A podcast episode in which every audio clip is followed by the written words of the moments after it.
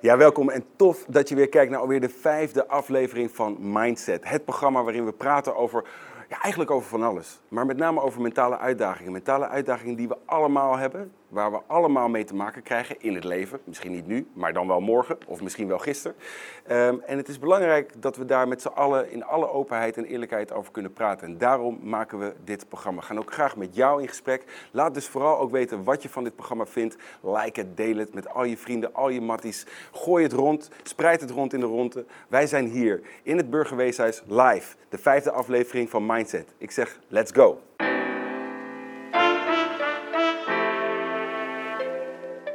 Ja, en vandaag staat een bijzonder thema centraal, namelijk jezelf zijn.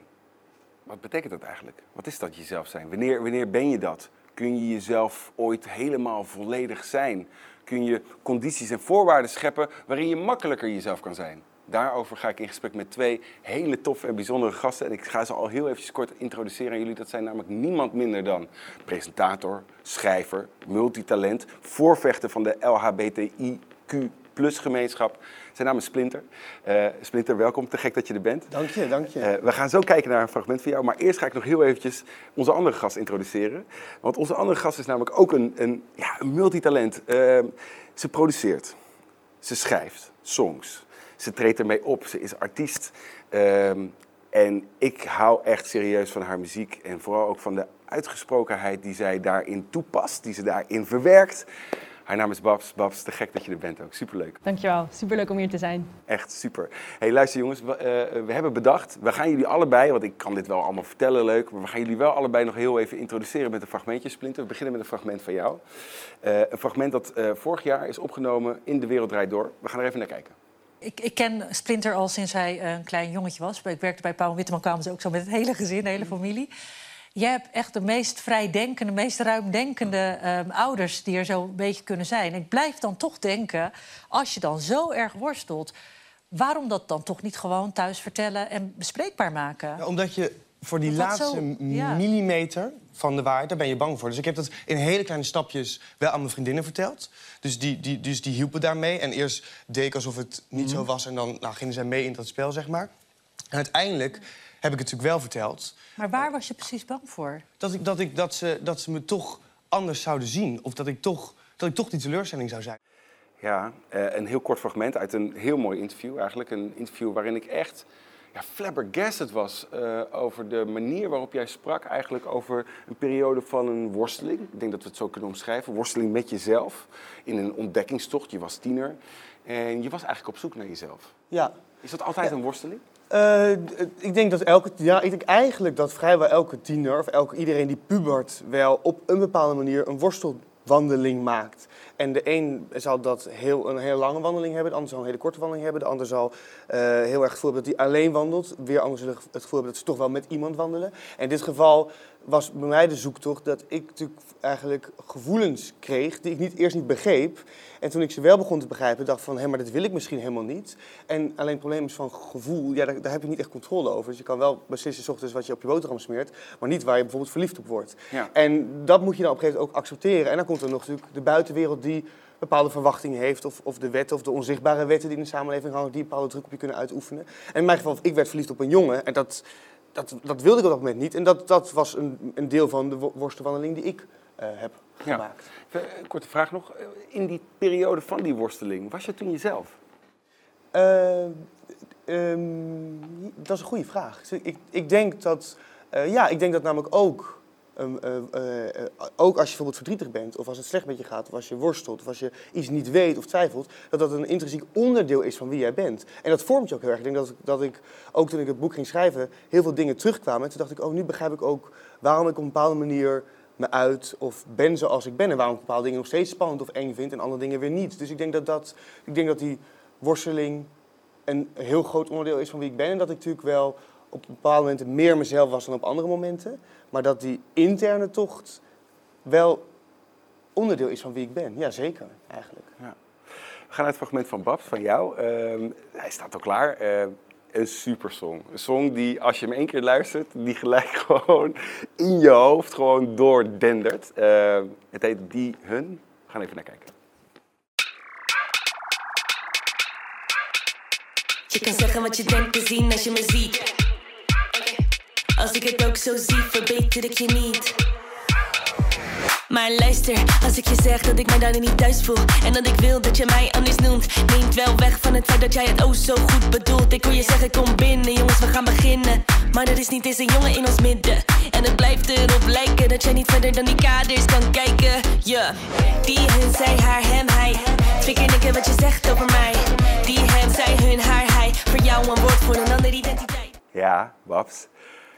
Zo tof om te zien hoe die mensen ook, die mensen doen dat echt goed hè, Ja, dat lipzinken. Ongelooflijk zeg. Ik heb ook echt zelf heel erg genoten van het kijken naar die clip vanwege de andere mensen. Ik, heb echt, ik was erbij bij het filmen van die clip en eh, ik heb gewoon gezien hoe zij mijn tekst eh, aan het rappen waren. Dat was al heel erg gek eigenlijk om te zien, maar wel heel erg mooi. En om te zien dat ze er helemaal voor gingen en er ook echt in geloofden in wat ze zeiden. Ehm, en dat ja, met zoveel energie hebben laten zien, dat vond ik echt het allermooiste aan deze clip. Ja, het is te gek. Ik word er helemaal, helemaal vrolijk van.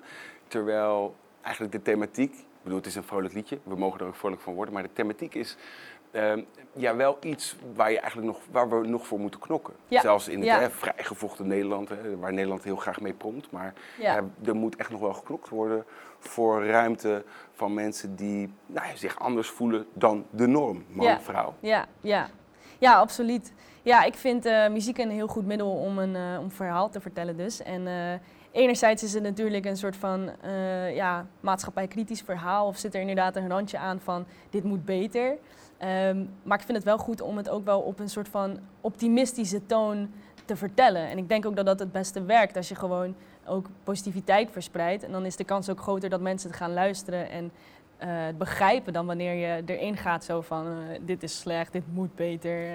Ja. dus ja, vandaar eigenlijk. En toch is het een, nog misschien wel een lange weg die er te gaan is. Absoluut. Ja, ervaar jij dat ook zo, Splint? Ja, maar wat ik heel goed vind, eh, wat Bab zegt, is dat je het dus vanuit de kracht doet. Dus het is, Juist. eh, je kan een verhaal of een punt wat je wil maken vanuit slachtofferrol doen. En dan krijg je heel gauw, eh, kijk mij of kijk ons of kijk eh, deze groep is zielig zijn. Terwijl je ook kan zeggen, ja, eh, wij eisen onze vrijheid op. En degene die bijvoorbeeld eh, daar moeite mee heeft, eigenlijk is die degene die zielig is. Dus ik denk altijd bijvoorbeeld een Kees van der Staaij die het eng vindt om twee jongens op een straathoek te zien zoenen. Dan denk ik, goh, dan, dan, dan gum jij wel een heel groot deel van, van liefde in je eigen leven uit. Dus eigenlijk ben jij de sneu persoon en hebben, hebben wij het eigenlijk heel erg goed. Dus dat is vanuit de kracht en vanuit de positiviteit, maar juist niet vanuit die slachtofferschap. En dat is denk ik iets heel erg belangrijks en krachtigs.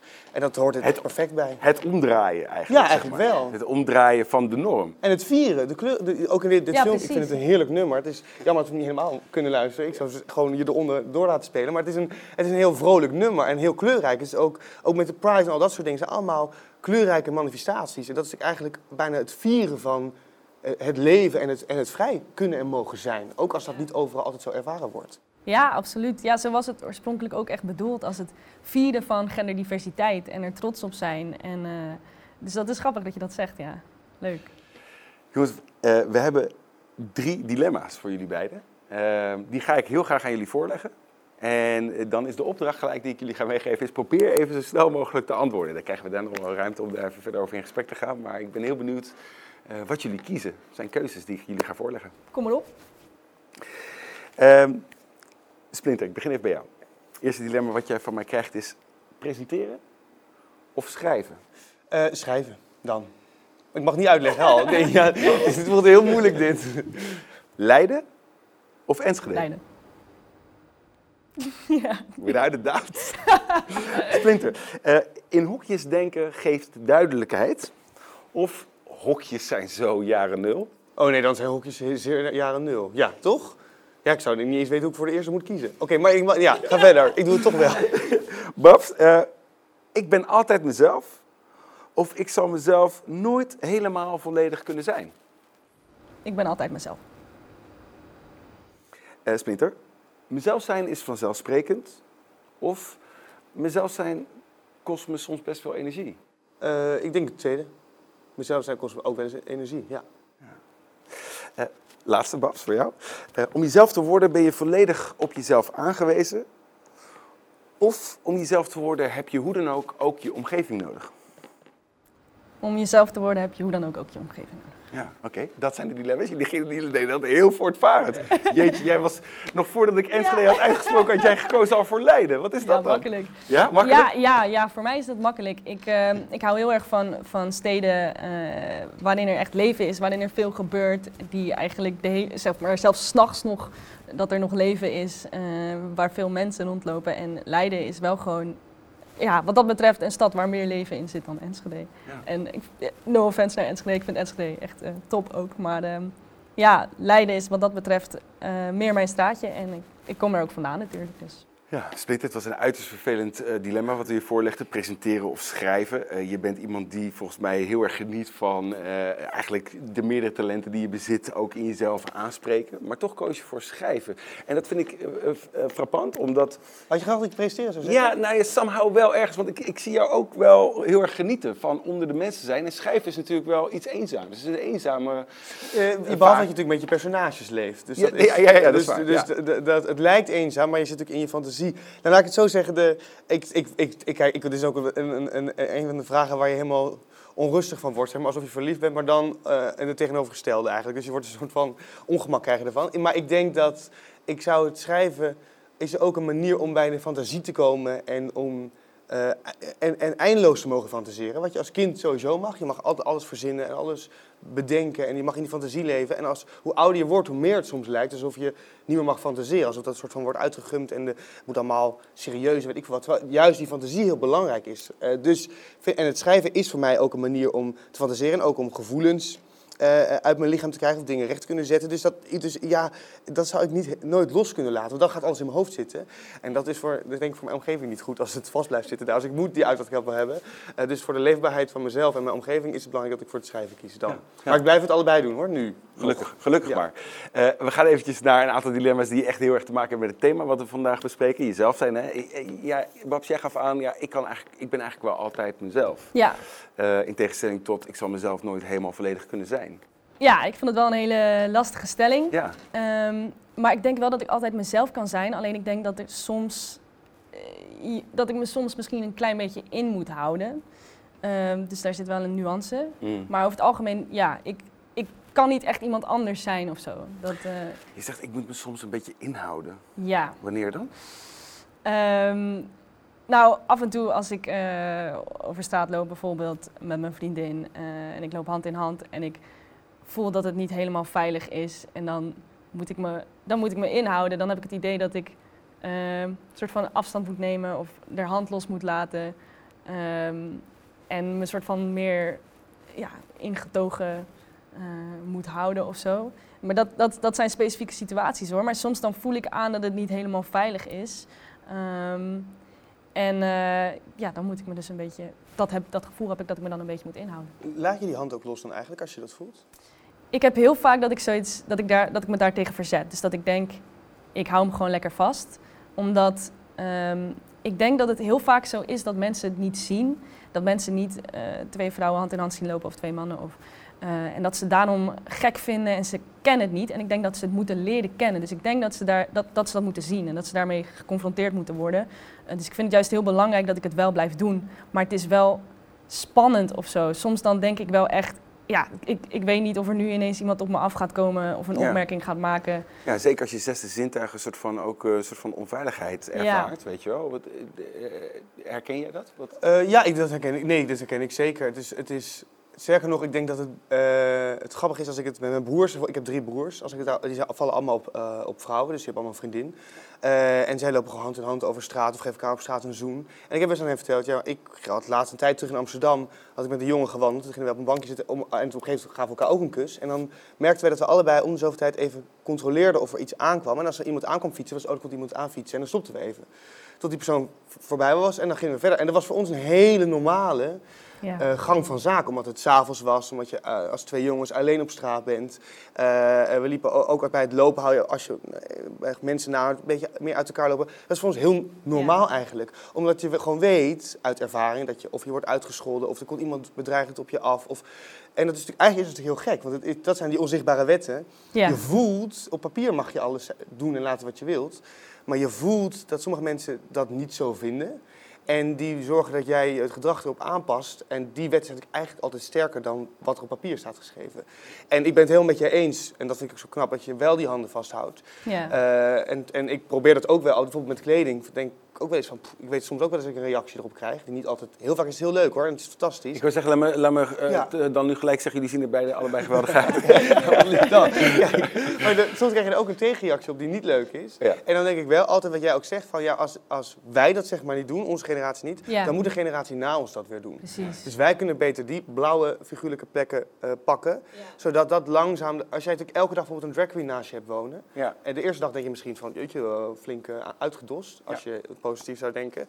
Maar na, na een jaar zie je dat natuurlijk helemaal niet meer. Ik hoop echt dat het zo werkt, weet je dat? Want, Ja. want er is het, natuurlijk ja. ook eh, voor jullie generatie ook echt wel een generatie al geweest en opgestaan. eh, en en, en nou ja, die misschien wel hetzelfde gedacht al hebben. Ja, Maar daarvoor hebben wij, bijvoorbeeld, wij zouden wel, als jij met je vriendin wilt trouwen, dan kan Ja. dat. Ja. Als Ja. ik met, een, ooit met een vriend zou willen trouwen, hè, het huwelijk is opengesteld, dat kan dat. Ja. Sinds 2001 is dat pas, hè, dus het is zo, zo recent nog. Wij zijn, Ja. we hebben allebei in een wereld, alle drie in een wereld geleefd waarin dat dus nog niet kon. Nergens niet. Ja.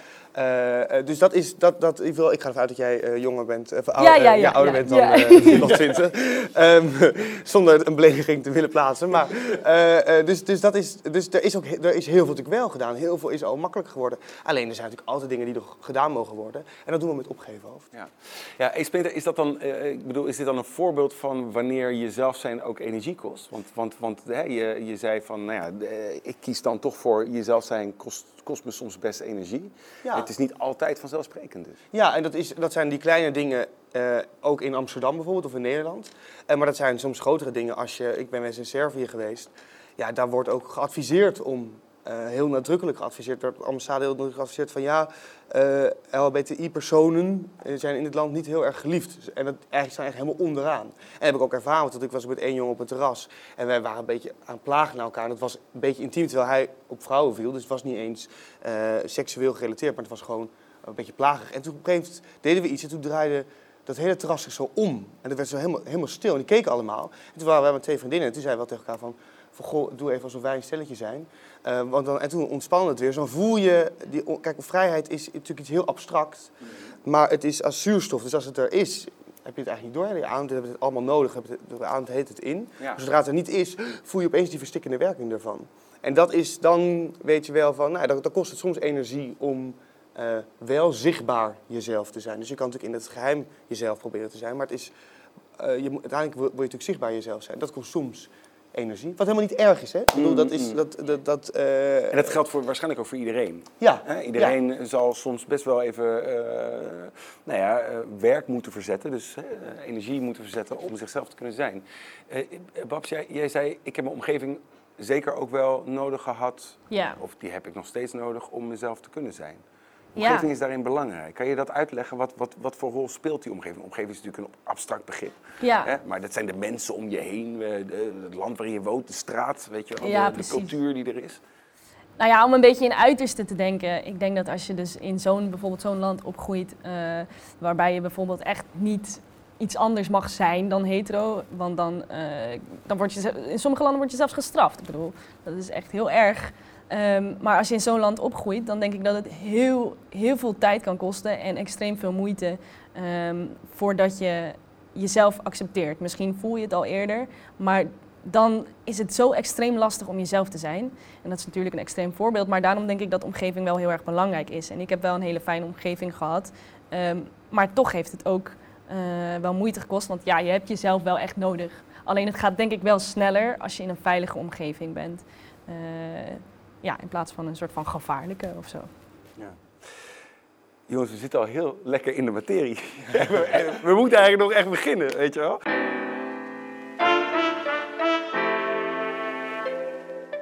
Ja, net als elke aflevering zijn we ook weer voor deze aflevering de straat op gegaan. En hebben we aan jullie gevraagd wat jullie eigenlijk graag zouden willen voorleggen aan onze gasten. Dus we hebben jullie gevraagd om stellingen te formuleren. En die stellingen zijn ook geformuleerd. We zijn heel erg benieuwd of jullie het ermee eens zijn of mee oneens. En dat ga ik natuurlijk nu ook met jullie bespreken, Babs en Splinter. Eh, ja, wat is, wat is jullie stellinginname? Ehm we gaan naar de eerste stelling kijken.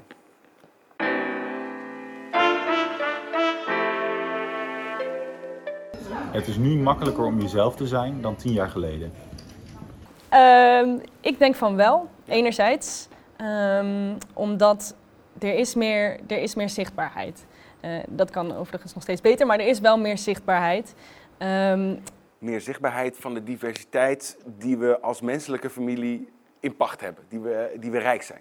ja, ja, ja. Sorry, vraag- helemaal niet vraag- vraagteken. vraagteken. Ja, ja. Of, of niet? Of, of, Ehm, nou ja, ik wilde eigenlijk vertellen dat eh, in mijn puberteit, eh, toen ik heel erg op zoek was naar mezelf en met betrekking tot seksualiteit bijvoorbeeld, ehm, dat ik heel lang niet begreep wat ik was of hoe ik me voelde, omdat ik in mijn omgeving helemaal niks ervan zag ook.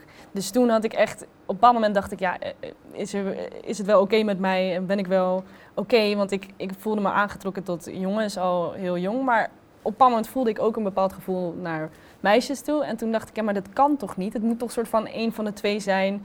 Eh, ik moet toch een soort van een keuze dan hierin maken. Dus ik vond dat heel moeilijk. Maar ik denk dus dat tegenwoordig dat het, dat veel duidelijker is. Dat, er, eh, dat het gewoon heel duidelijk is dat er verschillende seksualiteiten zijn. Dat er eh, met, wat met betrekking tot gender verschillende dingen zijn. En dat dat eh, ja, wat dat betreft meer zichtbaar is. Waardoor je ook sneller kan realiseren als je jong bent van... hé, hey, ik voel me misschien ook zo. Dus wat dat betreft denk ik van wel. Eh, maar ergens ja, zijn we er gewoon nog niet. En is er wel nog steeds bijvoorbeeld heel veel homofobie. Ehm, dus ja, dat, dat is wel een dingetje. Ja, maar kon je ook wel zeggen, hulde eigenlijk aan de emancipatie die in Nederland de afgelopen tien jaar heeft plaatsgevonden. Ja, klopt. Ik, nou, ik denk, als je bijvoorbeeld tien jaar geleden was het dus ongeveer 2010, 2011. Ja. En eh, toen zaten wij al bij nog op de middelbare school. Ja. Maar toen, ik weet dat ik nog in die tijd stiekem naar GTST keek. Omdat daar was Lucas, een personage, eh, gespeeld door Ferry Doedens. eh, eh, en die was, dat was een, een, een jongen die op jongens viel. En er kwam ook een eerste kus in en ook het eerste huwelijk tussen twee mannen eh, in. En dat was ook het allereerste huwelijk tussen twee mannen op een Nederlandse televisie in een Nederlandse soap. Zo recent is dat dus nog. En ik weet dat ik daar stiekem naar keek, niet omdat ik GTST, een hartstikke leuk programma hoor, voor de, voor de andere mensen ga beledigen. Maar, eh, maar ik keek eigenlijk stiekem achteraf gezien, vooral voor eh, dat karakter Lucas, omdat ik daar natuurlijk veel meer in herken dan ik eigenlijk zelf wilde toegeven. Eh, en als je nu kijkt, als je naar Netflix gaat of naar eh, Videoland of weet ik wat, wat er allemaal zichtbaar is. Eh, Videoland heb je Prince Charming. Hè? Dat is dus dat daar, daar gaat de, de, een man gaat de liefde van zijn leven vinden in een villa met allemaal andere mannen. Je hebt op Netflix heb je Sex Education, je hebt de serie Pose. Het, is allemaal zoveel voorhanden, wat zoveel zichtbaar is en zo vanzelfsprekend eigenlijk ook. Terwijl dat dus tien jaar geleden kan je dus... En het laat ook meteen zien hoe... ehm, ik kon daar echt een soort van handvat was zo'n zo'n personage. Je kan je Ja. aan vasthouden. Als je nu ziet hoeveel handvatten er eigenlijk zijn gekomen, nog meer erbij, is dat iets heel positiefs. Dat neemt natuurlijk niet weg dat het maar... eh, eh, en dat gaat natuurlijk specifiek over Nederland dan nu, hè? Dat het natuurlijk Mhm. op heel veel andere plekken nog niet zo is. Maar ik denk dat het wel, ook als er, als er struikelmomenten zijn, struikelmomenten, eh, dat het nog steeds een opgaande lijn is. Dus dat Ja. uiteindelijk, ook als we even één stap naar achter moeten doen, dat het altijd weer wel weer twee stappen vooruit is. Dus dat, dus dat dat wel gebeurt. Dus ik denk wel dat we vrijer kunnen zijn dan tien jaar geleden. Ja, en, en ik hoor jou ook zeggen, ik ben ook wel echt wat dat betreft hoopvol dus voor de toekomst. Ja. Ik denk dat daar, dat daar steeds meer ontwikkeling in gaat plaatsvinden. Heb jij ook, kijk jij ook met eenzelfde positiviteit naar de nabije toekomst? Bas? Ja, ja, absoluut. Ja, ik merk dat er gewoon eh, ook in mijn omgeving steeds meer mensen mee bezig zijn. Mensen die het ook echt willen begrijpen. Mensen die naar me toe komen die zeggen, ja, ik, ik vind het maar lastig. eh, kan je me dit uitleggen? Dus er is ook een soort van wil van, van dat mensen het echt eh, niet uit de weg gaan, maar ook aandurven of zo. Dat klinkt misschien een beetje gek, Was je maar... daar nooit moe van?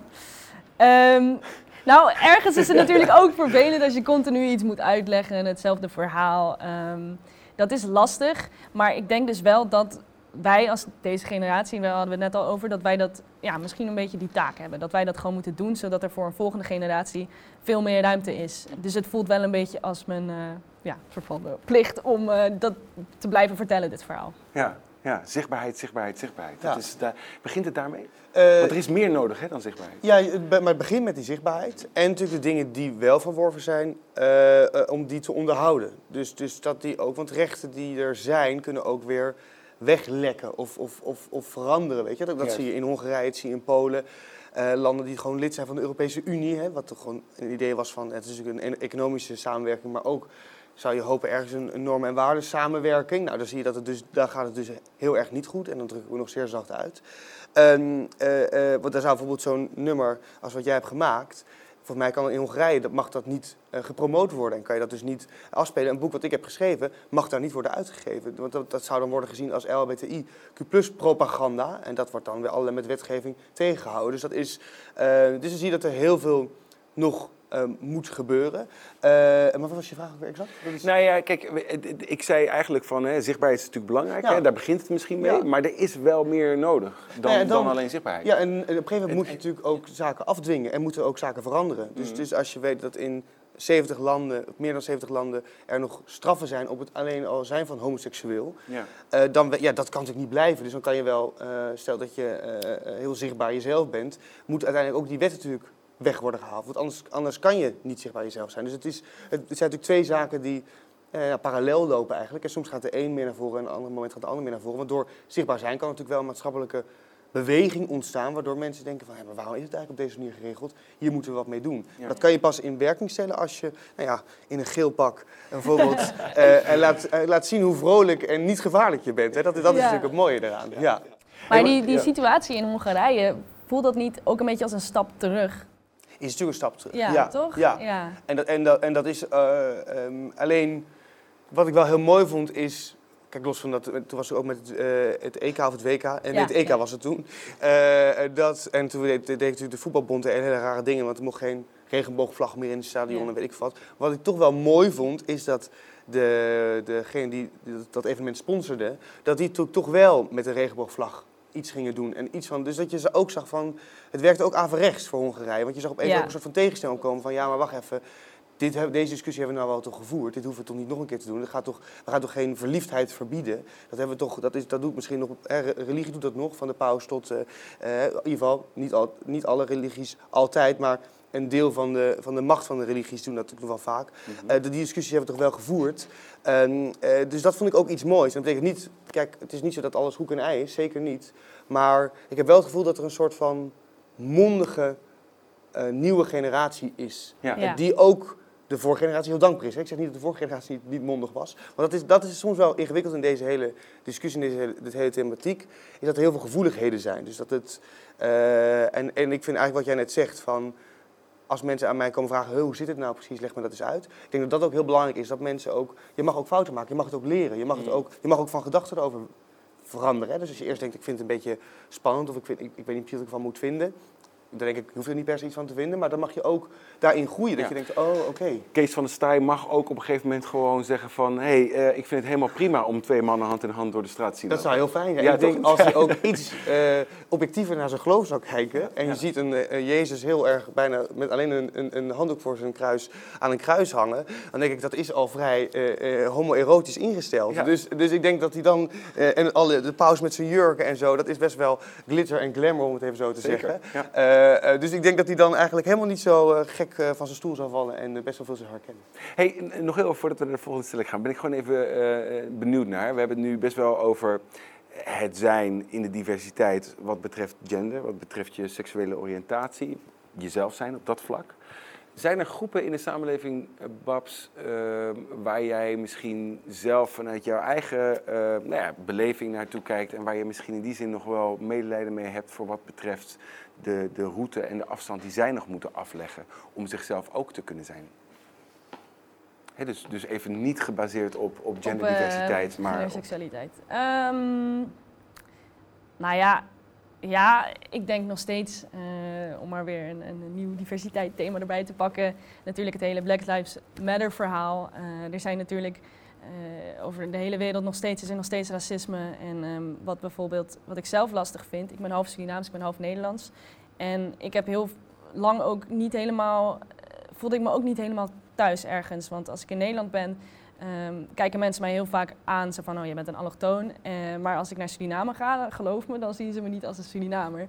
Dus ik denk, voor dat soort mensen is dat eigenlijk ook af en toe wel heel lastig, dat je niet zo goed weet van waar, wat je plek is en waar je nou bij hoort. En het is eigenlijk heel lastig om dan te vinden, dus ja, waar je bij hoort. Ja. Eh, Ja, de, de reden waarom ik het vraag is natuurlijk, hè, we hebben het over jezelf zijn. En jezelf zijn, dit is, eh, heeft te maken met identiteit. En identiteit is opgebouwd uit zoveel verschillende factoren, zoveel verschillende ja, eigenlijk bouwstenen, zeg maar. Eh, Meer dan alleen maar gender. Het heeft ook inderdaad bijvoorbeeld met, met Ja. je culturele achtergrond te maken. Ja. Eh, Splinter, hoe, hoe ervaar jij dat? Zijn er groepen in de samenleving waarvan je denkt van nou, die eh, hebben ook echt nog een weg te gaan? En dat zie ik. Daar ben Nou, ik. dat, dat het racisme en discriminerende gedrag, dat, dat, we hebben heel recentelijk helaas gezien, bijvoorbeeld de Afghaanse vluchtelingen die hierheen komen. Mensen die natuurlijk gewoon heel vaak de Nederlandse staat hebben geholpen, eh, onze missie hebben v- v- eh, vooruitgebracht, et cetera, die hierheen komen. Niet omdat ze dat graag willen of omdat ze denken, nou, ik ga gezellig naar Nederland toe. Nee, omdat natuurlijk hun eigen land in puin zakt en En levensgevaarlijk. levensgevaar. We kunnen er ons niet eens een millimeter bij voorstellen hoe heftig dat is.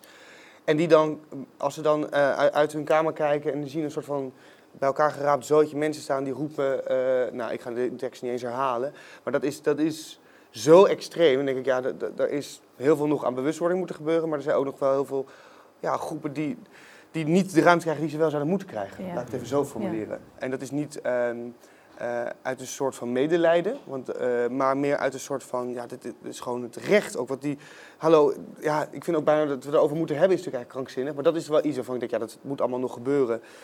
En ook daarvan denk ik, die, eh, nou, daar was gelukkig wel heel veel verontwaardiging over. Eh, alleen mag de politiek daar zich ook wel wat harder over uitspreken, bijvoorbeeld. Dat zou niet verkeerd zijn. Ik ben dat helemaal met je eens. We gaan naar de volgende stelling.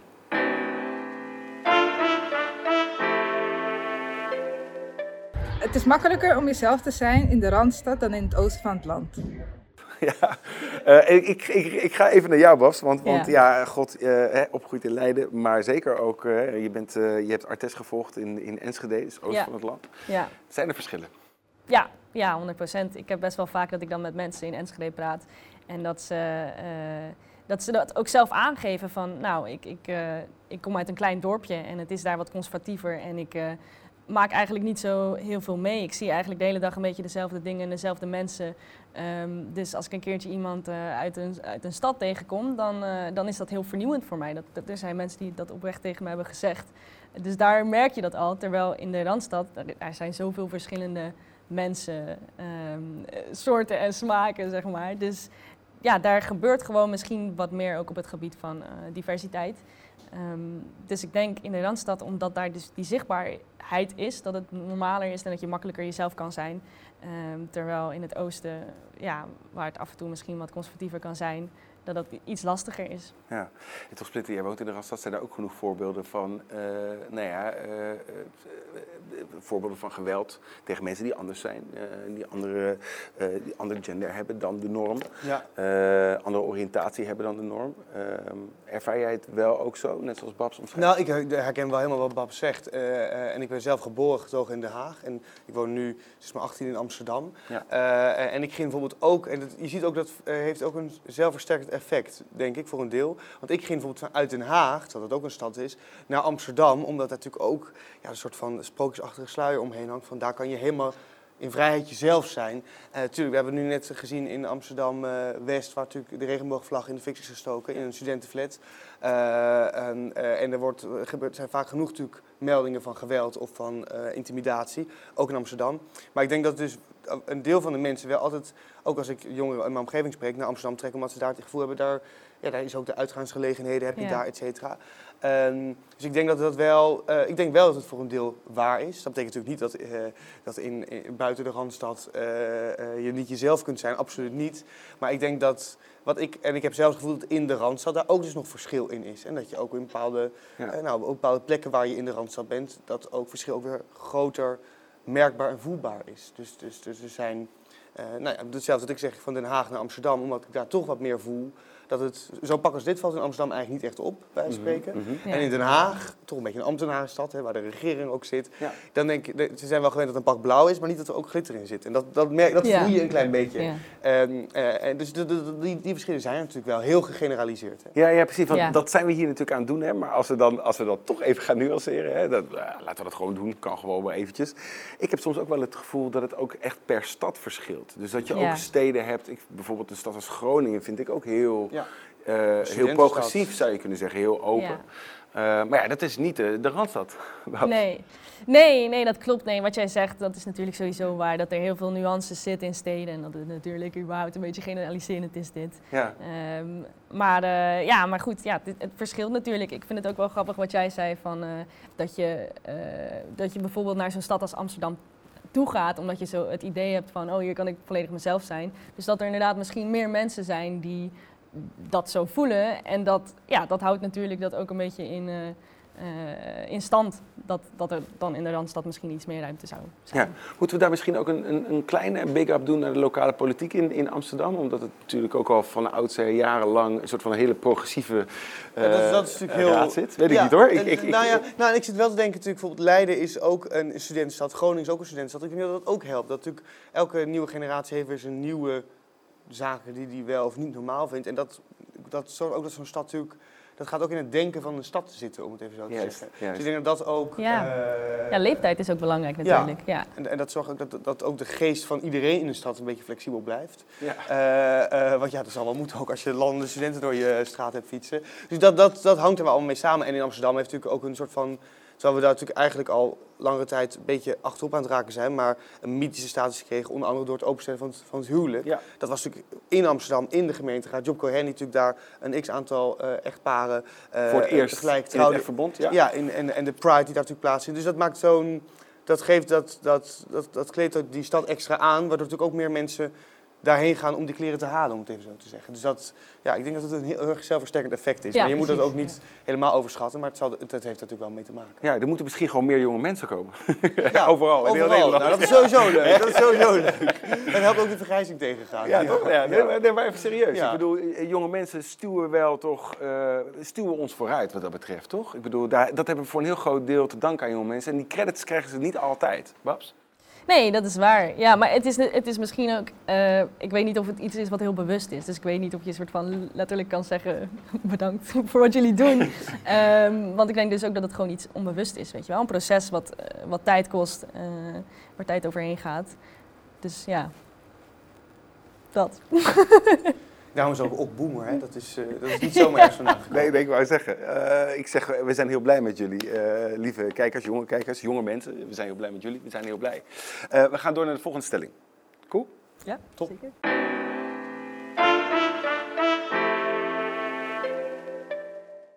Er is te weinig aandacht voor genderdiversiteit in het onderwijs. Eh, ja, ik denk het wel eigenlijk. En dat gaat, als je dan, ja, eigenlijk zeker weten. Want als ik naar mijn onderwijs kijk, al zag ik dat daar het misschien bij biologieles of bij een mentoruurtje op een gegeven moment iets van seksuele voorlichting werd gegeven. Mhm.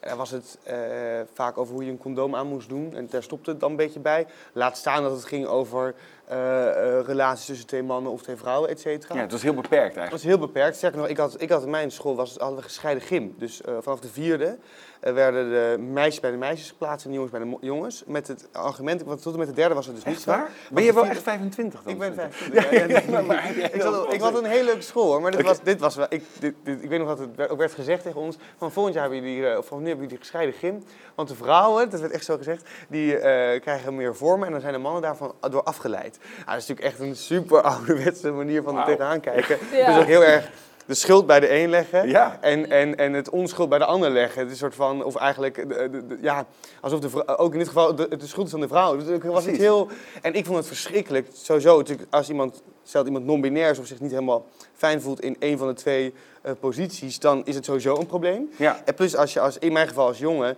vond ik het ook heel onprettig om alleen maar met jongens te gaan gymmen. Dus dat was echt, het, ja, was echt een, vond ik echt, echt, echt, was een wurgend gevoel, die gymlessen. Dus dat is, kijk, en dat is dan één ding wat er dan gebeurde. Maar wat ik veel belangrijker vind is eigenlijk, als je het over diversiteit hebt in het onderwijs, en dan niet alleen LHBTIQ gerelateerd, maar eigenlijk diversiteit ook in religie of eh van culturele achtergrond. Ja, ja. is dat het niet in een les erover zou moeten gaan. Natuurlijk moet het bij maatschappijleer misschien worden behandeld. Maar dat het ook overal in terugkomt. Dus als jij een rekensom leest, dat het niet altijd een vader en een moeder is, of een moeder die boodschappen gaat doen. Maar dat het zijn het, eh, de papa's van, eh, van Jan of van Mohammed, of noem een naam. Ja. Die gaan zes appels halen en twee ma- mandarijnen. Hoeveel stuks fruit hebben ze nu? Precies. Acht. Het moet Dat- vooral niet maar beperkt blijven bij die ene incidentele, die ene keer dat je toevallig seksuele voorlichting krijgt. Ja, Ja. het overal in. Oh, overal ja, in terug. ja, Ja. ja, ja. Nee, ik vind dat heel tof dat je dat zegt. Daar heb ik er helemaal niet over nagedacht. Maar dat is dat is natuurlijk wel heel belangrijk, dat het eh, genormaliseerd wordt. En dat doe je natuurlijk door in die stukjes tekst, in, eh, in de boeken eh, en alles, of in een presentatie, het ook te benoemen. Ja, dat vind ik heel tof dat je dat zegt. ja. Zijn er nog meer, wat dat betreft, zijn er, als je, als je zeg maar aan het veranderen van het onderwijs denkt, hè, wat zijn jouw ervaringen daar eigenlijk in? Babs, heb jij je in jouw eigenlijk onderwijscarrière, van de basisschool, middelbare school, nou, je hebt bij Artes gestudeerd, heb jij momenten gehad dat jij dacht van, oeh, ik wou dat dit anders was? Ja, ja? ja, ja 100% Ik kan uh, ook nog wel een voorbeeld noemen ehm, van mijn opleiding aan het conservatorium. Ik doe dus een opleiding tot producer en audio-engineer. En uh, ja, ik ben eigenlijk de enige vrouw in mijn klas. Ehm, maar dat versterkt zich ook binnen de opleiding. Want er zijn lessen waar we het hebben over eh, producers, bijvoorbeeld bekende producers. En dan is er een hele lijst aan mannen gewoon. En er zit geen enkele vrouw tussen. Dus dan denk ik ook van, hè? Maar als je weet van jezelf, ik ga een les wijden aan uh, toffe, goede producers, dan, en je ziet die lijst met alleen maar mannennamen, dan denk je toch ook bij jezelf van, nou ja, het is ook tof om even, om, om een soort van vorm evenwicht in die lijst uh, te zorgen. En uh, ja, het voelt een beetje alsof, alsof ik gepasseerd word, wat dat betreft. Dus ik denk, het is gewoon heel erg belangrijk dat dat, dat in het onderwijs, ja, dat die representatie er ook is. En dat eh, in een stukje tekst, wat jij al zei, maar ook in het benoemen van, van bepaalde mensen of uh, ja, lessen die je geeft, dat je, dat je daar bewust mee bezig bent. Dat is gewoon heel belangrijk. Ja. Heb je dat in dit specifieke geval, in dit specifieke voorbeeld over die les met die producers, al die mannelijke producers die je lekker voor je kiezen krijgt, kunnen geweldige producers zijn natuurlijk. Ja, maar, ja, ja. En je kan wel het gevoel hebben van, joh, wat, uh, uh, waar is de zichtbaarheid en inderdaad de diversiteit in deze les? Geef je dat terug dan? Is dat iets wat je, waarbij je je gemakkelijk voelt om dat eventueel terug te koppelen? Uh, de, het eerste jaar eigenlijk niet. Toen heb ik me echt een beetje op de achtergrond gehouden. Maar um, ja, na een jaar of twee dacht ik wel van... Niemand is zich er bewust van, behalve ik. Ik ben de enige die dit volgens mij opmerkt. Niemand zegt er wat van. Laat ik er een keertje wat van zeggen. En dat was wel heel interessant, want ja, die docent had dat ook helemaal niet verwacht... dat ik me daar ineens over zou uitspreken. En die dacht ineens, huh? Een soort van... Het was echt een realisatiemomentje van, oh, dat had ik helemaal niet doorgehad. Dus volgens mij was het ook heel goed dat het een keertje werd gezegd. Want de jongens uit mijn klas die gingen dat niet zomaar benoemen. Dus, ja. ja, precies. Ja, wat dat, ja, wat dat die zien het misschien niet eens ook, hè? Nee, nee ja. waarschijnlijk misschien niet eens door. Dat je, wat, wat, jij wel ziet, dat zij denken, oh, pas als jij het zegt... Ja. En dan zien ze het ook. Ja. En dan is het cruciale moment. Uh, want dan gaat het over intentie. Dus het kan zijn dat die lijst opgesteld met een, gewoon een prima intentie en dat er niet over nagedacht is. Ja. Alleen als je natuurlijk bewust ervan bent gemaakt, dan ja. gaat het over de intentie van: oké, doe je dan wat mee of doe je dan niet iets mee? En als je dan niet iets mee doet, dan is je intentie duidelijk van: ik wil er ook niks mee. En dan heb je wel over van: ja, maar waarom zou je, ook als je foutjes maakt, maakt het niet uit, maar het gaat om de ja. intentie erachter liggen, ja, het gevoel ja, dat je erachter ja. Precies, ja. Hey, als, we, als we het hebben over die nou ja, belangrijke veranderingen die moeten plaatsvinden binnen het onderwijs, uh, Splinter, waar, waar uh, vind jij dat in eerste instantie de verantwoordelijkheid dan ligt? Wie, bij wie ligt die bal? Ik denk voor een deel, nou bij de politiek om te beginnen. Ja? Uh, als het gaat over, nou ja, dus een, een hele lange discussie die al heel lang loopt, maar de, het religieus onderwijs, of hè, dus de, de vrijheid van onderwijs, maar de, dat er dus op bepaalde scholen Um, nou ja, toch op een bepaalde manier les kan worden gegeven, waardoor er maar één waarheid is. Of waardoor bepaalde mensen, je hebt de reformatorische scholen waar jongens soms uit de kast worden gedwongen. Of ja, streng christelijke scholen. Streng christelijke scholen, ja. Dus, en daar, daarvan denk ik, uh, dat, zou, dat moet sowieso worden aangepast. Uh, dat, dat zou je eigenlijk niet vanuit de overheid moeten faciliteren. En, en net zoals we ook in Prevet hebben gezegd, je mag geen weigerambtenaar vanuit de overheid hebben. Dus de overheid weigert niet om bijvoorbeeld twee mannen of twee vrouwen te trouwen.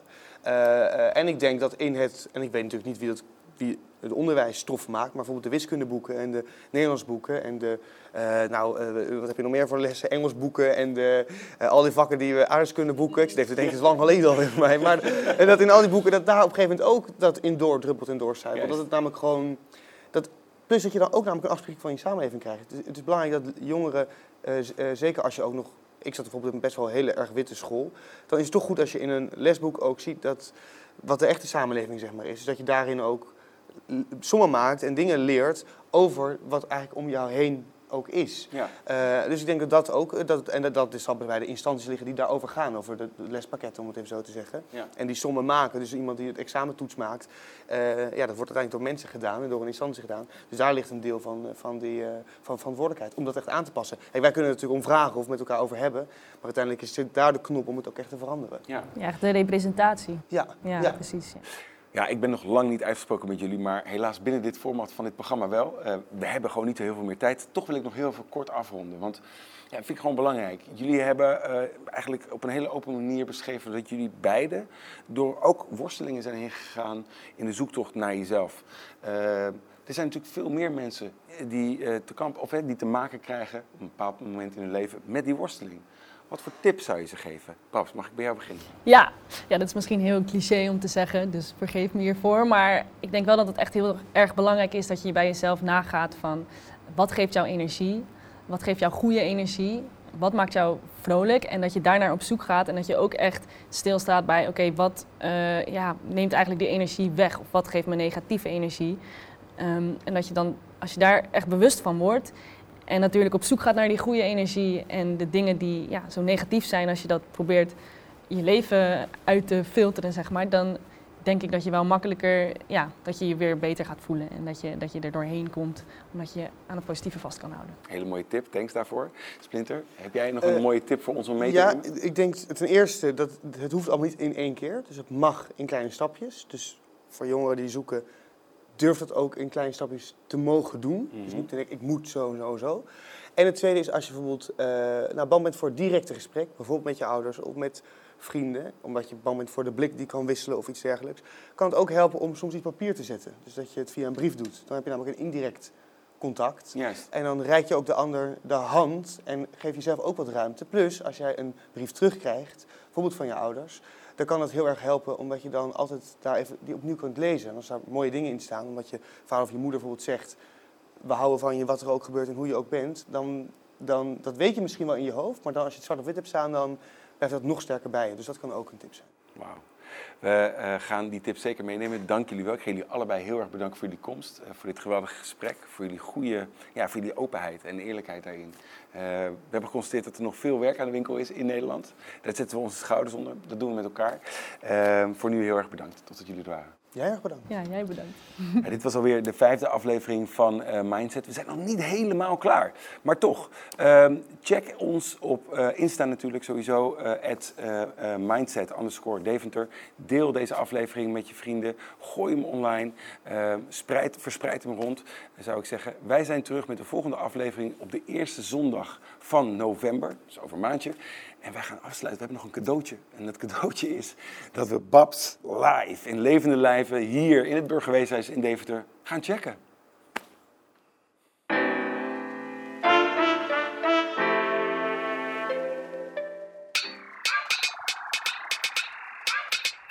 Je kan zeggen wat je denkt te zien als je me ziet. Als ik het ook zo zie, verbeter ik je niet. Maar luister, als ik je zeg dat ik mij daarin niet thuis voel En dat ik wil dat je mij anders noemt Niet wel weg van het feit dat jij het oh zo goed bedoelt. Ik hoor je zeggen kom binnen jongens we gaan beginnen. Er is niet eens een jongen in ons midden En het blijft erop lijken dat jij niet verder dan die kaders kan kijken. Ja, die hun, zij, haar, hem, hij. Twee keer denken wat je zegt over mij. Die hem, zij, hun, haar, hij. Voor jou een woord voor een andere identiteit. Die hun, zij, haar, hem, hij. Twee keer denken wat je zegt over mij Die hem, zij, hun, haar, hij Voor jou een woord voor een andere identiteit. Helpt het als ik het luid zeg. Er zijn zoveel meer directies dan je links, rechts En ik wijs de weg, maak je wegwijs, yes.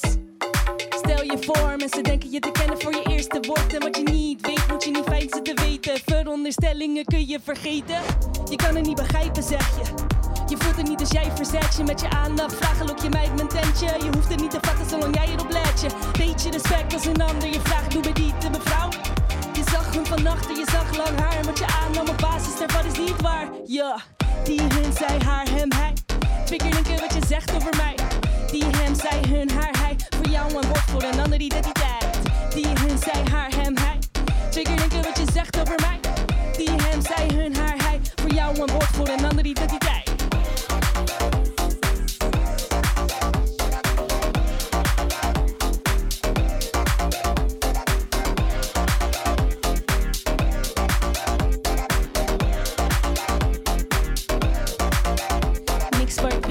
Is het een grijs gebied, ik geef toe. Soms dan zie je kleuren niet, maar beter dat moeten we, zullen we doen. Vragen die stellen we, fouten erkennen we als sis.